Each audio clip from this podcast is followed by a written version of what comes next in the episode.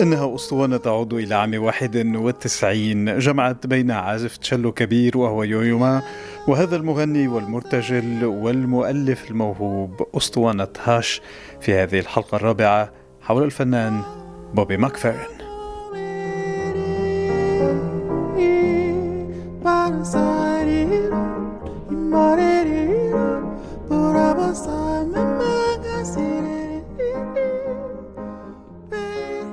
عندما أغني يتهيأ لي أنني على أرجوحة سيرك عملاقة أحلق من خلالها فوق العالم.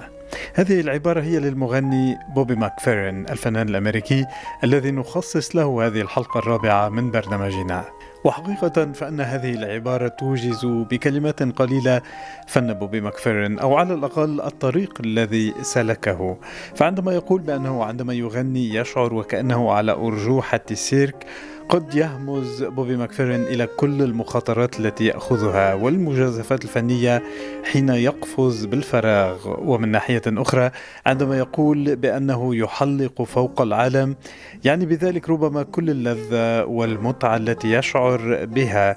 عندما يغني ويشارك فنه مع الجمهور جمهور من كل حدب وصوب لا يعرف الحدود أو العوائق أو الحواجز لتصبح لغة بوبي ماكفيرن لغة عالمية بالفعل.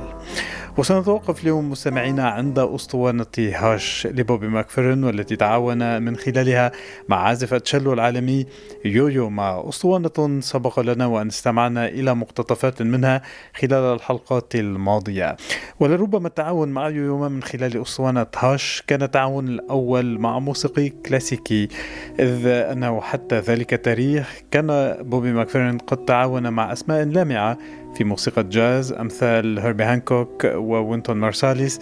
أما بالنسبة ليويو ما فهو عازف تشيلو أمريكي ولد بعد خمس سنوات من بوبي ماكفيرن أي عام 1955 تحديدا. فنان أمريكي من أصول صينية كان بمثابة الطفل النابغة إذ أنه قدم الحفل الأول له أمام الجمهور عندما كان في الخامسة من العمر. وعندما كان في السابعة من العمر أدى الموسيقى أمام كل من الرئيسين الأمريكيين دوايت أيزنهاور وجون فيتزيرالد كينيدي قبل أن يطل عبر شاشات التلفزيون الأمريكية بعد سنة على ذلك من خلال مشاركته في برنامج كان يقدمه المايسترو الكبير ليونارد برنشتاين. ومنذ تخرجه من ال Juilliard School وجامعة هارفارد لم يتوقف يوما عن اجتياز حدود عالمه الكلاسيكي ليذهب نحو لقاءات موسيقية مثيرة للاهتمام وهي ميزة يتقاسمها مع بوبي ماكفيرن.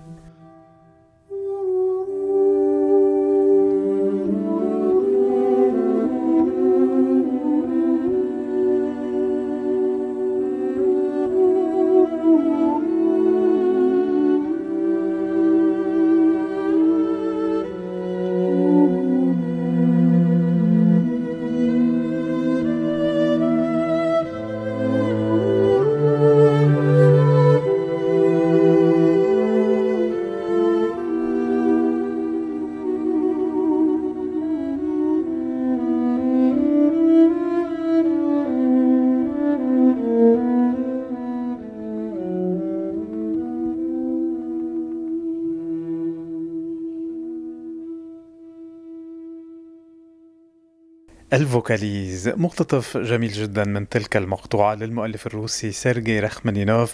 في هذا الأداء الرائع أداء كل من يويو ما على تشيلو وبوبي ماكفيرن على الغناء. وهذا مقتطف آخر من تلك الأسطوانة أسطوانة هاش الصادرة عام 91 لا شك بأنكم استمتعتم مستمعين بهذه الحوارات الرائعة ما بين الفنانين.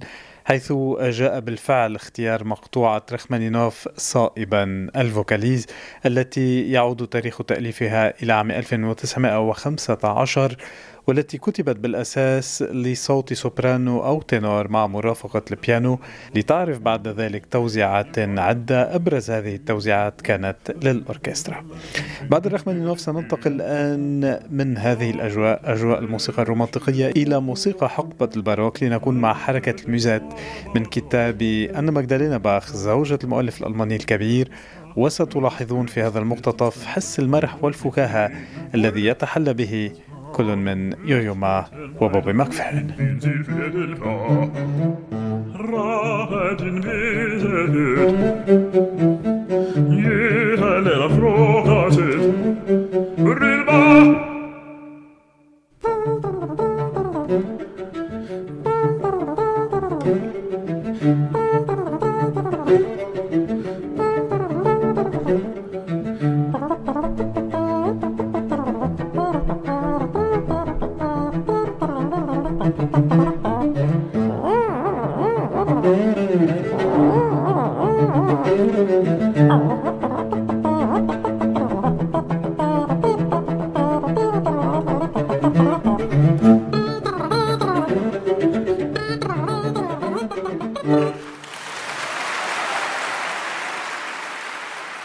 Musette from the Notebook of أنا ماجدالينا باخ تسجيل من إحدى الحفلات التي قدمها سويا بوبي ماكفيرن ويويو ما ورأينا كيف يقومان باستعادة اللحن نفسه فيدخلا إليه إيقاعا أسرع وأسرع. وهذا مثال عن تلك العلاقة القوية التي قامت ما بين بوبي ماكفيرن وجمهوره.